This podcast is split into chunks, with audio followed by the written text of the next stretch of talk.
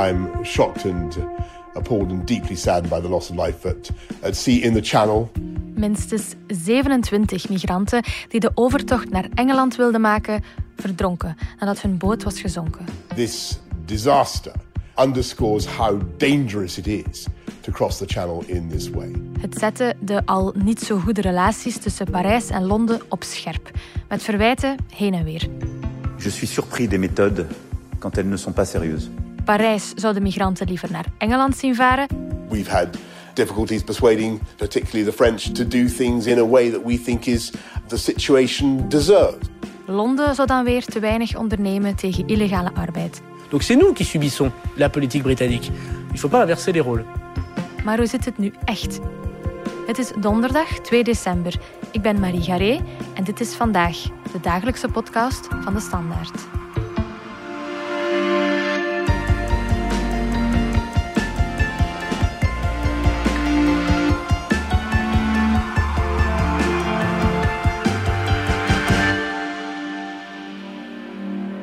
Jolien de Bouw, jij bent voor onze krant correspondente in Frankrijk. Het grootste drama ooit, zei de Franse minister van Binnenlandse Zaken Darmanin. Je veux aussi dire que, bien sûr, c'est manifestement le, le plus grand drame que nous avons connu. Wat is er precies gebeurd vorige week? Wel, het was dus uh, vorige week woensdag, hè, iets na de middag, rond een uur of twee, was er een Franse visser die een vijftiental lijken had zien drijven, uh, iets voor de kust van Calais. Dan wordt de CROSS, de reddingsdienst, natuurlijk meteen gewaarschuwd. Die heeft daar schepen op afgestuurd, reddingsschepen. En die hebben dus verschillende lichamen opgevist daar uit het water. En ook een bootje, zo een, een smalboot noemen ze dat. Dat is eigenlijk een heel klein bootje met opblaasranden, een zachte bodem. Absoluut niet het soort boot uh, waar je het kanaal mee, mee overvaart. En al helemaal niet wanneer er tientallen mensen op zitten. Er is dan een grote zoekactie gestart. Dus uh, ja, die is s'avonds laat nog doorgegaan. En er zijn nog twee mensen uit het water gered tijdens die actie. Een man uit Somalië en een uit Irak. Die waren zwaar onderkoeld, maar dus uh, de zware tol inderdaad, 27 doden. Dat waren 17 mannen, dan een, ja, zeven vrouwen, waarvan er ook eentje zwanger was. En dan nog eens drie jongeren. De uren erop werden ook al vijf verdachten van, van smokkel opgepakt. Dus het was een, ja, een enorm zware dag voor Frankrijk. Ja, jij bent dan ter plekke gegaan naar Calais en je hebt er met een aantal migranten ook gesproken. Hoe was dat? Ja, ik ben dus meteen uh, de dag daarna naar Calais en ook naar Duinkerke geweest. Want in Duinkerke is nu het grootste migrantenkamp. In Calais bij de vrijwilligers die dag in dag uit bezig zijn met die migranten daar, uh, was de verslagenheid heel groot. Daar werd uh, veel geknuffeld, maar ook heel strijdvaardig. En wat dan opvalt als je met die, die mensen daar in de kampen praat, is dat ze allemaal willen vertrekken. Hè. Dus wat dat er gebeurd is, oké, ze waren op de hoogte. Maar ze zeggen ook, wij hebben al zoveel meegemaakt. Dit laatste stukje gaat ons echt niet tegenhouden. Wij gaan naar Engeland. En ze zeggen ook, dit hier is ook geen leven. Dus waarom zouden we ons leven niet wagen door naar Engeland te gaan? Where are you going now? Go UK. Go UK.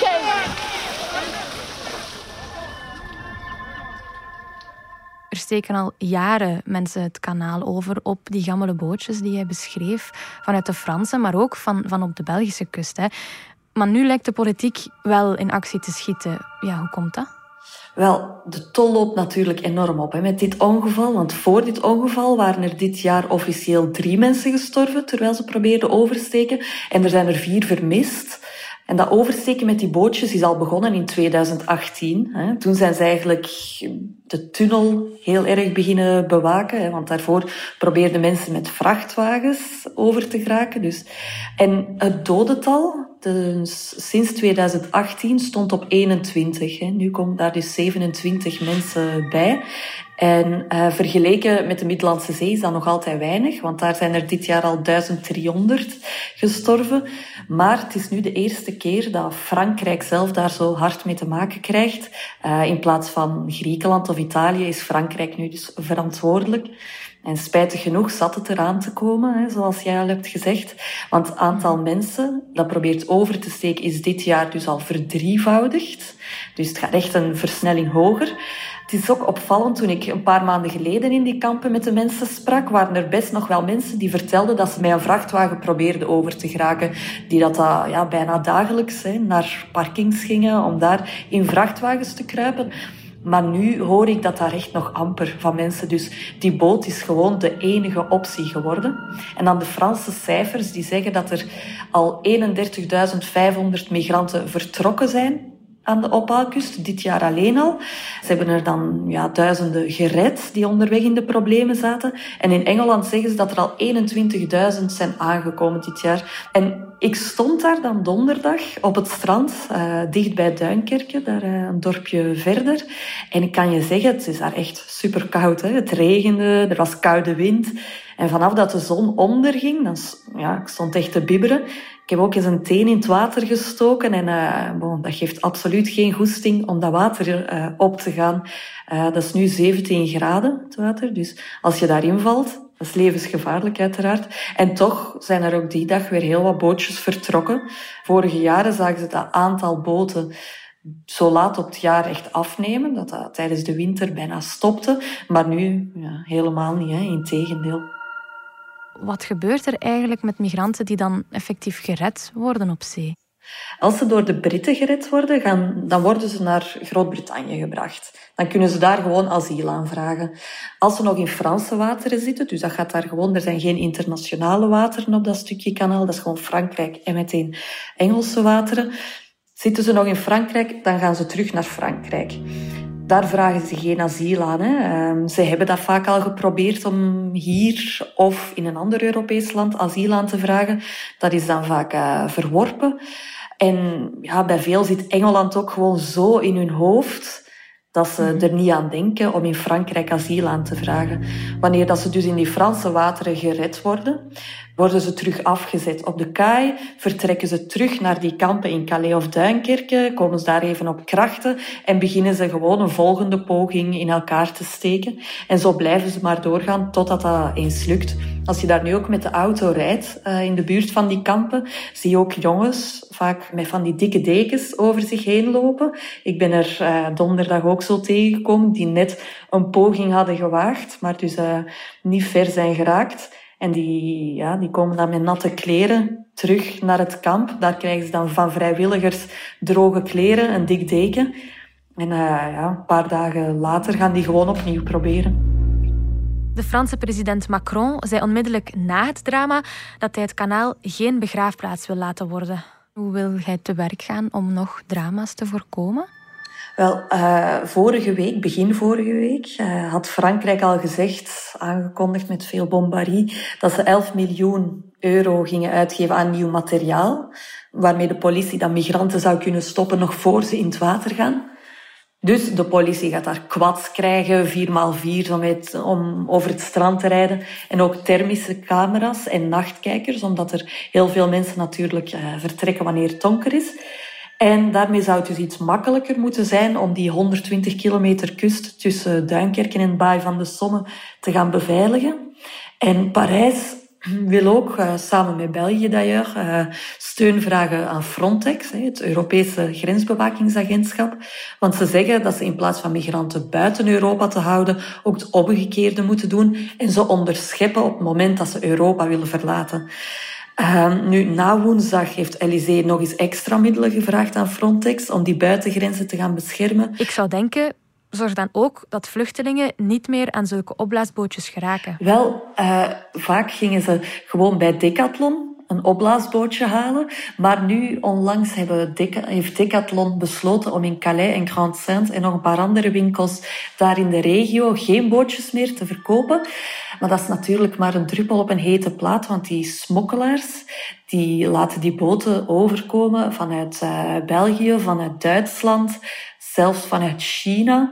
Dus om dat te stoppen, dat is, ja, dat is bijna onmogelijk. Ja, en dan zijn er natuurlijk ook de mensensmokkelaars die een handeltje hebben opgezet om vluchtelingen naar het Verenigd Koninkrijk te brengen.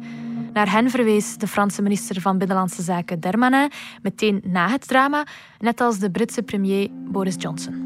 Les premiers responsables de cette euh, ignoble situation sont les passeurs, c'est-à-dire des criminels.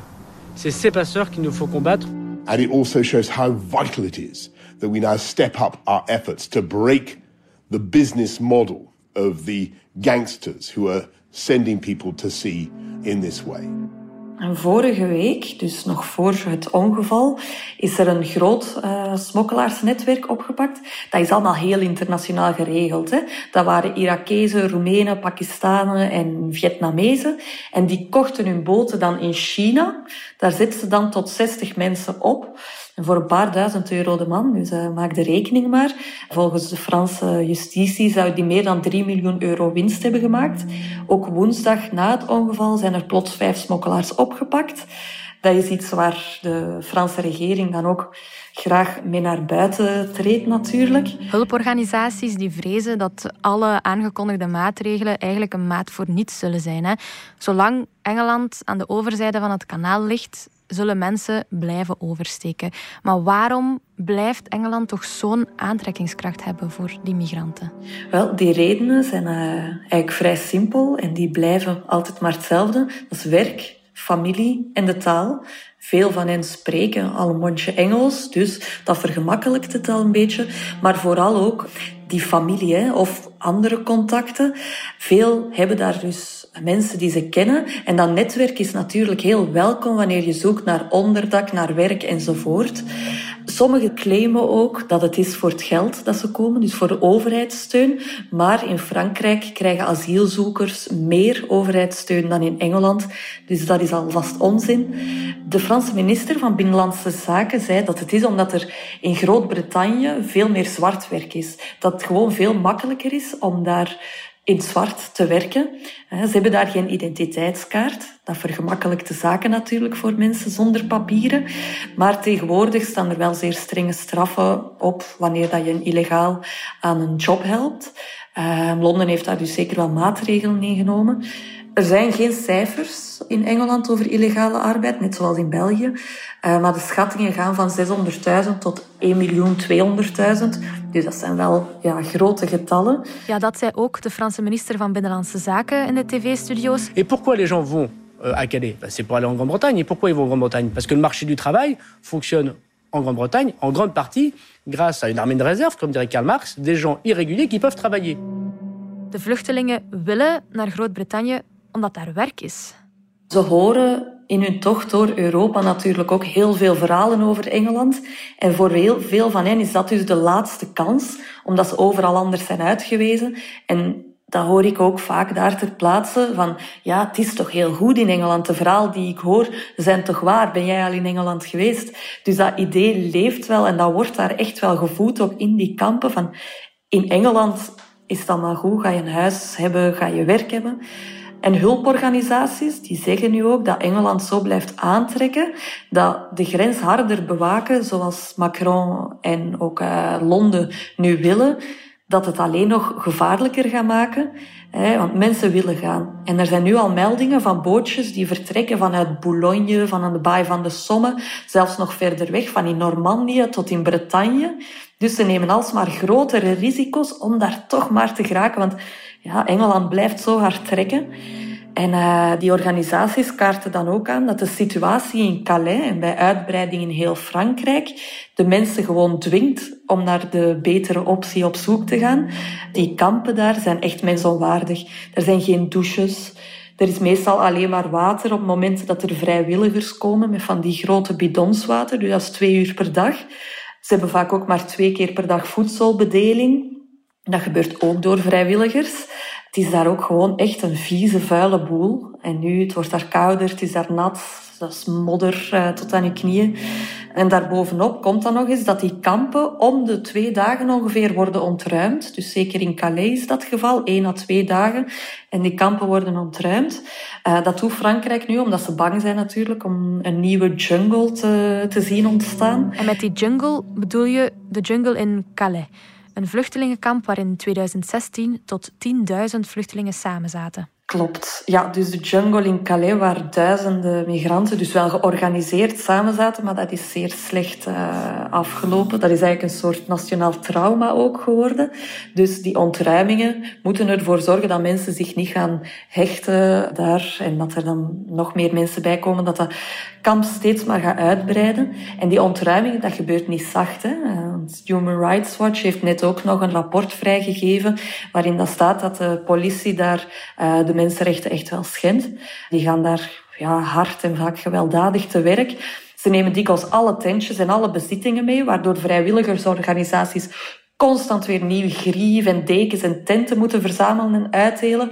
Dus de situatie daar ter plaatse ja, zetten mensen er ook toe aan om liever snel dan traag te vertrekken richting Engeland. Ja, je zei het al, de zee is eigenlijk de nieuwe route. De, de, vroeger gingen vluchtelingen via vrachtwagens of op ferries.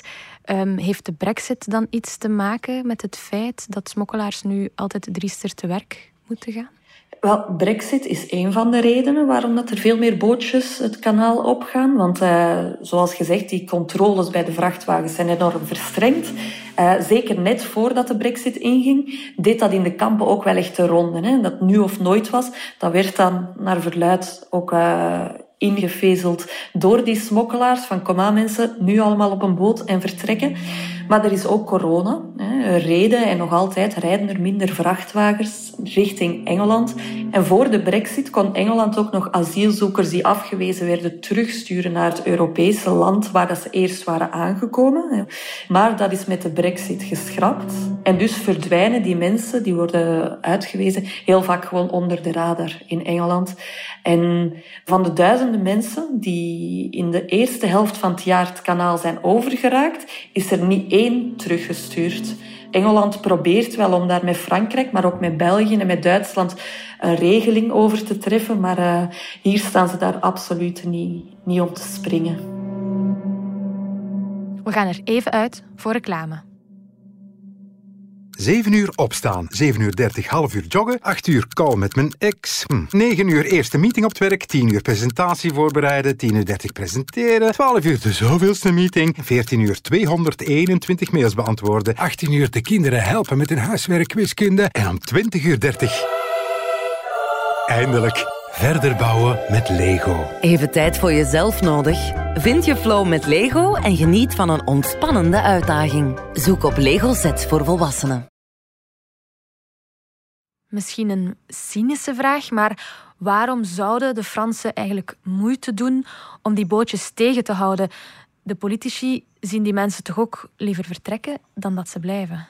Mm Ja, en dat heeft Londen, Parijs ook al vaak verweten. Een paar maanden geleden waren er zelf nog getuigen die Franse marineschepen van die rubberbootjes zagen escorteren tot in de Engelse wateren. En dan rechtsomkeer maakten. Voilà, nu is het aan Engeland om dit verder op te lossen en om die migranten bij hen te nemen. Uh, in Parijs hebben ze dan gezegd, ja, maar dat is om hun veiligheid te garanderen, want wij kunnen niet met ons groot schip dicht bij die bootjes komen, maar wij willen wel zien dat alles veilig is, dat ze niet, uh, niet kopje onder gaan. Dat was toen weer een zoveelste rel daarover. En ook uh, vorige week stond er op veel Britse voorpagina's, vooral van de tabloids dan, een foto van migranten die een bootje over het strand dragen, met op de achtergrond een grote jeep van Franse agenten, dus die gewoon staan toe te kijken. Er was heel veel verontwaardiging daarover. Het is nog een beetje onzeker waar en wanneer dat die foto is genomen en in welke omstandigheden. Maar in Engeland leeft dus inderdaad echt wel dat idee van die Fransen die staan gewoon toe te kijken. En dat is extra uh, frustrerend voor hen, want Londen betaalt Frankrijk ook om de oversteken te stoppen. Uh, ze hebben al meer dan 63 miljoen euro gegeven aan Frankrijk om het aantal agenten op die stranden te verdubbelen. The operation that's been conducted by our friends on the beaches, supported, as you know, with 54 million pounds from the UK to help patrol the, the beaches, all the technical support that uh, we've been giving. Frankrijk zegt dan ja, wij hebben dat geld helemaal nog niet allemaal gekregen, dus uh, wij kunnen niet meer doen. Maar dan nog, zelfs met een verdubbeling van het aantal agenten op die kust, hè, dat is een kustlijn van ja, tientallen kilometers. En steeds meer. En ze opereren vooral s'avonds als het donker wordt. Dus het is gewoon een moeilijk te controleren stuk land. En dan, ja, vorige maand zijn er op één dag 1185 mensen in Engeland aangekomen. Dan was Londen natuurlijk heel boos en ze hebben dan ook aangeboden om de steun nog te verhogen en om ook samen te gaan werken aan de Opaalkust waar die boten vertrekken. Our offer is to uh, increase our support, but also to work together with our partners on the beaches concerned, on the, the launching grounds for these boats. And that's something I hope that uh, will be acceptable now. Hij vraagt dus eigenlijk om samen te gaan werken op Frans grondgebied. Dus daar ook Engelse agenten of privé-bewakingsfirma's te mogen uh, laten postvatten. Ja, de communicatie tussen Londen en Parijs loopt al, al langer stroef. Hè. Officieel zeggen ze nu wel dat ze elkaar willen helpen, maar je zei het al, voor de Britse regering is dat vooral de schuld van Macron. Ja, en ook uh, de tabloids waren heel hard. Hè? This one's on you. En waarom hield Frankrijk er niet tegen? Dus zij wijzen echt met de vinger naar Macron van jij hebt deze doden op jou geweten. Nu, die relatie tussen Macron en Johnson, ja, dat was nooit hartelijk. Uh, zij zijn niet echt de beste vrienden, zeg maar. Tijdens die brexit-onderhandelingen was Macron ook de eerste die dat ermee aan het dreigen was om een no-deal te doen als de Britten weer eens lastig deden. En dat gepest, die steken naar elkaar toe, zijn eigenlijk nooit gestopt. De Britse regering die blijft er nu bij dat Frankrijk te weinig doet. En woensdagavond, toen die reddingsoperatie nog volop aan de gang was, hebben Johnson en Macron met elkaar gebeld. Achteraf klonk het dat ze nog meer inspanningen zouden doen om die overtochten te stoppen. Maar bon, amper een uur later zat er opnieuw tegen en was het weer met de vingers wijzen. De Britten zeggen dat de Franse laksheid, de smokkelbendes, levens in gevaar laat brengen. Macron waarschuwt dan weer dat Johnson de dood van 27 mensen niet mag gaan politiseren. Uh, de vice-gouverneur van de regio Hauts-de-France merkte op dat de leiders van die bendes dikwijls vanuit Londen werken. Voilà, dus ze schuiven de zwarte piet heel de tijd naar elkaar door. En dat gaat zo al maanden, maanden gaat dat al zo. En de Fransen zijn ook wel heel kwaad over een brief die Johnson naar Macron heeft gestuurd. Ja, klopt. Dus na het ongeval heeft Johnson een brief gestuurd naar Macron waarin hij vraagt aan Frankrijk om alle migranten die aankomen in Engeland terug te nemen. Dus daarover waren de Fransen inderdaad al kwaad van wat vraagt hij nu? Maar hij heeft dat dan ook nog eens op Twitter gezet en dat vinden ze dan helemaal van weinig stijl getuigen. Je suis surpris des méthodes quand elles ne sont pas sérieuses. On ne communique pas d'un dirigeant l'autre sur ces questions-là par tweet et par lettre qu'on rend public. Nous ne sommes pas des lanceurs d'alerte. Allons, allons. Ja, dat is ook de aanleiding waarom Frankrijk niet wilde dat de Britse minister van Binnenlandse Zaken zondag mee zou vergaderen met Europa. Ja, klopt. Ja. En uh, met haar botst het ook wel geregeld uh, tussen haar en dan bijvoorbeeld Darmanin of ook Macron. En zij was nu niet meer welkom. Dus zij isoleren Groot-Brittannië echt uh, ja, nog verder van Europa. Het is natuurlijk ook wel cynisch, hè, want met de brexit was dat toch een van de grote beloftes dat ze het aantal aankomende migranten drastisch omlaag zouden halen. En ze slagen daar absoluut niet in. En dat is natuurlijk frustrerend aan de overkant van het kanaal. We hebben het spijtig genoeg regelmatig over onmenselijke situaties aan de grenzen van de EU. Ja, wat is dan de oplossing? Uh, de bedoeling is dus inderdaad om beter te gaan samenwerken op Europees niveau. Dat is heel het idee. Maar in Calais en Duinkerke klinkt dan hè, bij de hulporganisaties van dat gaat helemaal niks helpen. Integendeel, want dat draait allemaal om strenger optreden.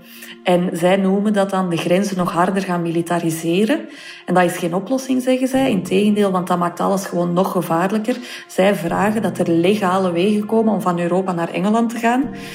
Maar bon, de oplossing, hè, die ga ook ik jullie uh, spijtig genoeg schuldig moeten blijven. Oké, okay, Jolien de Bouw, dankjewel. Graag gedaan. Dit was vandaag de dagelijkse podcast van de Standaard. Bedankt voor het luisteren. Ken je trouwens DS Podcast al, de podcast-app van de Standaard? Daar luister je niet alleen naar onze journalistieke reeksen, je krijgt ook elke week een eigenhandige selectie van de beste nieuwe podcasts op de markt. Alle credits van de podcast die je net hoorde vind je op standaard.be-podcast. Reageren kan via podcast.standaard.be. Morgen zijn we opnieuw.